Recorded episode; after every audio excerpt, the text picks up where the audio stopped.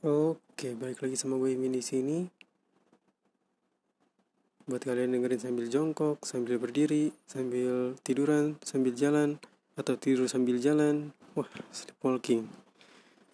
Oke, asal jangan sampai kalian dengerin gue sambil col, lok mata mak lu, dosa fix masuk neraka. Apalagi sambil col, lok mata bapak lu, fix udah masuk neraka, dosa digampar lagi lu. Oke lah, daripada basa-basi lagi, mending kita masuk ke materinya. Buku Diane E. Papalia dengan judul Perkembangan Manusia, jilid 1. Let's go. Belajar dari pengalaman atau belajar dari lingkungan? Menurut lu eh yang paling benar yang mana? Soalnya kita bakal belajar yang namanya perspektif belajar di mana ya perilaku kita itu didasari oleh dua. Yang pertama dari pengalaman kita sama dari gimana cara kita itu beradaptasi terhadap lingkungan kita. Nah, kalau yang belajar dari pengalaman itu disebutnya dengan belajar asosiatif, sedangkan kalau yang dari lingkungan itu disebutnya dengan belajar sosial. Nah, sebelumnya kita bakal bahas belajar asosiatif dulu. Belajar asosiatif ini ya seperti yang kita pelajari sebelumnya itu mengilhami model mekanistik. Kalau yang yang udah lupa model mekanistik itu adalah ya kita bereaksi gitu senatural mungkin. Misalnya kita takut, kita pergi, kita senang, kita mendekat, ya seperti itulah kurang lebihnya. Nah, karena belajar asosiatif ini lekat sama yang namanya asosiasi, kita bakal beda dulu nih asosiasi itu apa. Asosiasi itu ibarat kata nih, kita lihat A, kita inget B gitu. Simpelnya. Contohnya aja deh biar langsung paham nih. Misalnya kita lihat orang pakai baju oranye di stadion, lu inget apa kan? Di Jackmania gitu kan. Lu inget lihat baju oranye di mall gitu. Lu inget hype beast ya kan? Atau enggak lu lihat baju oranye di TV dalam penjara lu inget jer eh bukan maksudnya napi ya kan? Maaf beli ya. Maksudnya bukan di situ loh. Uh, ya belajar asosiatif itu kurang lebihnya begitu. Nah di belajar asosiatif ini tokohnya ada dua yang pertama ada Ivan Pavlov Terus yang kedua ada John B. Watson. Nah, kalau yang di Ivan Pavlov ini uh, pengasosiasiannya itu adalah uh, uh, dia melakukan penelitian kepada anjing di mana perilaku yang pengen dimunculkan itu adalah mengeluarkan air liur dari seekor anjing tersebut. Nah, si anjing ini dikondisikan di mana di dalam kandang terus dibunyikan bel dan disediakan daging di situ. Nah, kita simpulkan dulu rumusnya nih. Yang pertama ada stimulus, stimulusnya itu bel. Asosiasi stimulus nih yang paling penting, itu dagingnya. Dan responnya itu air liurnya. Nah, di mana suatu saat kan di udah disimulasikan berulang kali. Nah, ketika suatu saat si dagingnya itu nggak tersedia tapi bel tetap bunyi nah air liurnya tetap mengalir. Kalau contoh kesehariannya misalnya kayak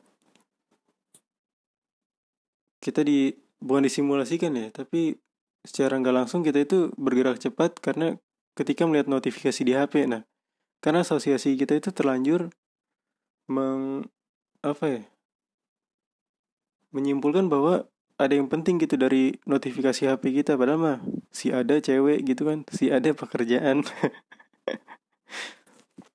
Nah gitu kurang lebih. Nah kayak atau ada contoh kasus lain misalnya di apa sepu, uh, bukan sepupu gue ponakan gue usia ya sekitar satu tahun setengah. Kalau dengar suara motor atau suara mobil yang yang mana abang gue itu sendiri yang biasa make ya dia asosiasinya kayak ditinggal gitu. Maksudnya kayak ditinggal buka, abang gue kerja gitu. Dia nangis gitu. Soalnya asosiasinya itu dia ditinggal gitu ketika mobil itu nyala tanpa dia atau motor itu nyala tanpa dia gitu. Nah selanjutnya ada juga penelitian yang dilakukan oleh John B. Watson dia melakukan penelitian pada anak usia 11 bulan yang dinamakan oleh eh, dinamakan olehnya itu namanya Albert Cilik. Nah, Albert Cilik ini penelitian yang dilakukan sama anak 11 bulan di mana dikondisikan itu si anak itu trauma terhadap benda putih dan berbulu. Di mana di situ dikondisikan ketika si anak itu dalam suatu ruangan mengguncang tikus yang mana tikus itu putih dan berbulu kan Ketika diguncang, para peneliti mengeluarkan suara-suara yang membuat kebisingan. Nah, yang akhirnya si Albert ini trauma dan ya takut gitu sama hal-hal putih dan bulu-bulu setelah penelitiannya dilakukan. Pas diteliti lagi pas sekian lama akhirnya si muncullah perilaku di mana si Albert ini takut sama jenggot kakek-kakek yang sudah berubah dan kelinci, kucing juga yang berwarna putih. Seperti itu.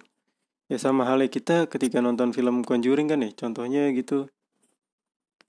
Kan di situ ada scene Bathsheba lompat dari atas lemari kan tuh. Di situ kita mengasosiasikan lemari sama setan kan. Secara nggak langsung kita digiring ke situ. Sebagaimana film itu bekerja kan seperti itu. Ya respon kita jadi takut dong karena asosiasi kita ke situ ketika matiin lampu di atas lemari ada Batsiba coba kalau bayangin di atas lemari ada Rey Mysterio kan keren gitu kan jadi nggak takut. Ya mungkin ini dilakukan oleh para terapis-terapis. Nah erat kaitan itu kan sama yang psikoanalisis kan yang menggali insight terhadap masa lalunya. Nah ini di sini sini nih saat kita mengulik asosiasinya. Cocok-cocokan deh tuh. Misalnya asosiasinya ya kita tadi contohnya lu mungkin bisa mengubah asosiasi lu. Misalnya lu takut kegelapan ya coba lu lawan dulu. Kali aja di situ nggak ada apa-apa. Kadang emang asosiasi lu terlanjur buruk buruk gitu Terus selanjutnya ada belajar asosiatif. Nah, di sini masih yang turunan dari belajar behaviorisme atau belajar asosiatif, cuma di sini ditambahin instrumental. Namanya belajar instrumen klasikal eh instrumental conditioning. Kalau kalau tadi classical conditioning, sorry ya. Lupa. Saya Saking serunya ini. Teori ini pertama kali dicetuskan oleh BF Skinner. Kalau instrumental conditioning itu kurang lebih sama. Misalnya ya kita tadi kalau mau munculkan perilaku itu dengan cara di kondisikan terus menerus kalau mau menghilangkan kondisinya ya di kebalikannya misalnya kayak kita pengen muncul perilaku takut kayak tadi tuh misalnya kayak yang Batsiba tuh. Kita takut karena ada takut ada baciba di atas ya dengan cara itu kita nonton terus kan untuk memperkuatnya. Kan ada penguat ada uh, penghilang ya kan? Cara menghilangkan ya dengan cara ya melawan dengan realitanya gimana caranya? Apakah ada? Ya gitu buktinya. Cari buktinya lah ke kehidupan sehari-hari. Nah itu kan ya sangat lekat gitu kehidupan sehari-hari kita ya kan? Gimana kita bersikap berperilaku gitu. Oh ya lupa. Kalau penguat itu disebutnya reward kalau penghilang itu disebutnya punishment. Selanjutnya yang terakhir ada teori belajar sosial. Di teori belajar, belajar sosial ini dikemukakan oleh Albert Bandura dia mencetuskan yang namanya resiprokrasi determinan. Gimana ya individu ini kita bereaksi terhadap dunia begitu juga dunia bereaksi terhadap individu. Proses ini cenderung disebut dengan belajar mengamati. Kurang lebihnya mirip sama yang tadi cuma ini kita lebih cenderung mengkondisikan diri kita sesuai dengan kondisinya gitu.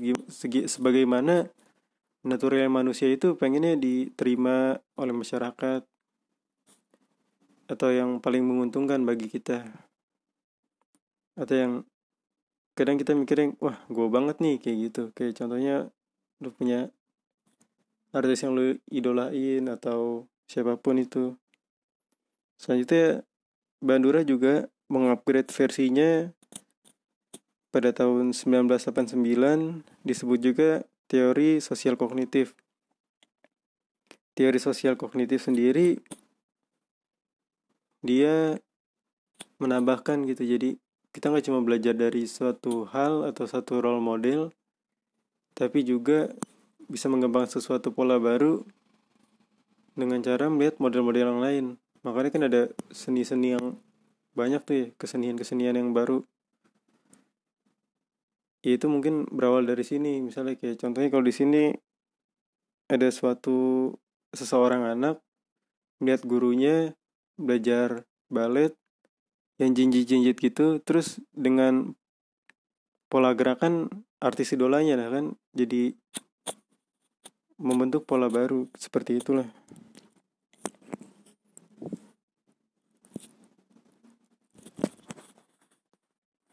kalau contoh yang dekatnya mungkin kayak podcast ini aja gue pengen nyatuin belajar yang buku banget nih. Gimana cara sampai dengan baik ya dengan cara ya sedikit-sedikit gue tambahin komedi-komedi ya kan? Biar nggak kaku-kaku banget. Walaupun kadang tidak lucu. Ya, seperti itulah. Nah gue harap nih kita biar belajarnya masuk sama-sama kita cari contohnya gitu ke masing-masing. Kayak gue nyari contoh di yang tadi belajar asosiatif itu apa gimana dalam kehidupan sehari-hari. Nah belajar sosial juga tadi. Gimana cara kita biar diterima oleh masyarakat kan? Seperti itulah. Ya, semoga paham dan bisa dicari contohnya. Ya bukan buat PR sih biar lebih paham aja oke deh sekian bye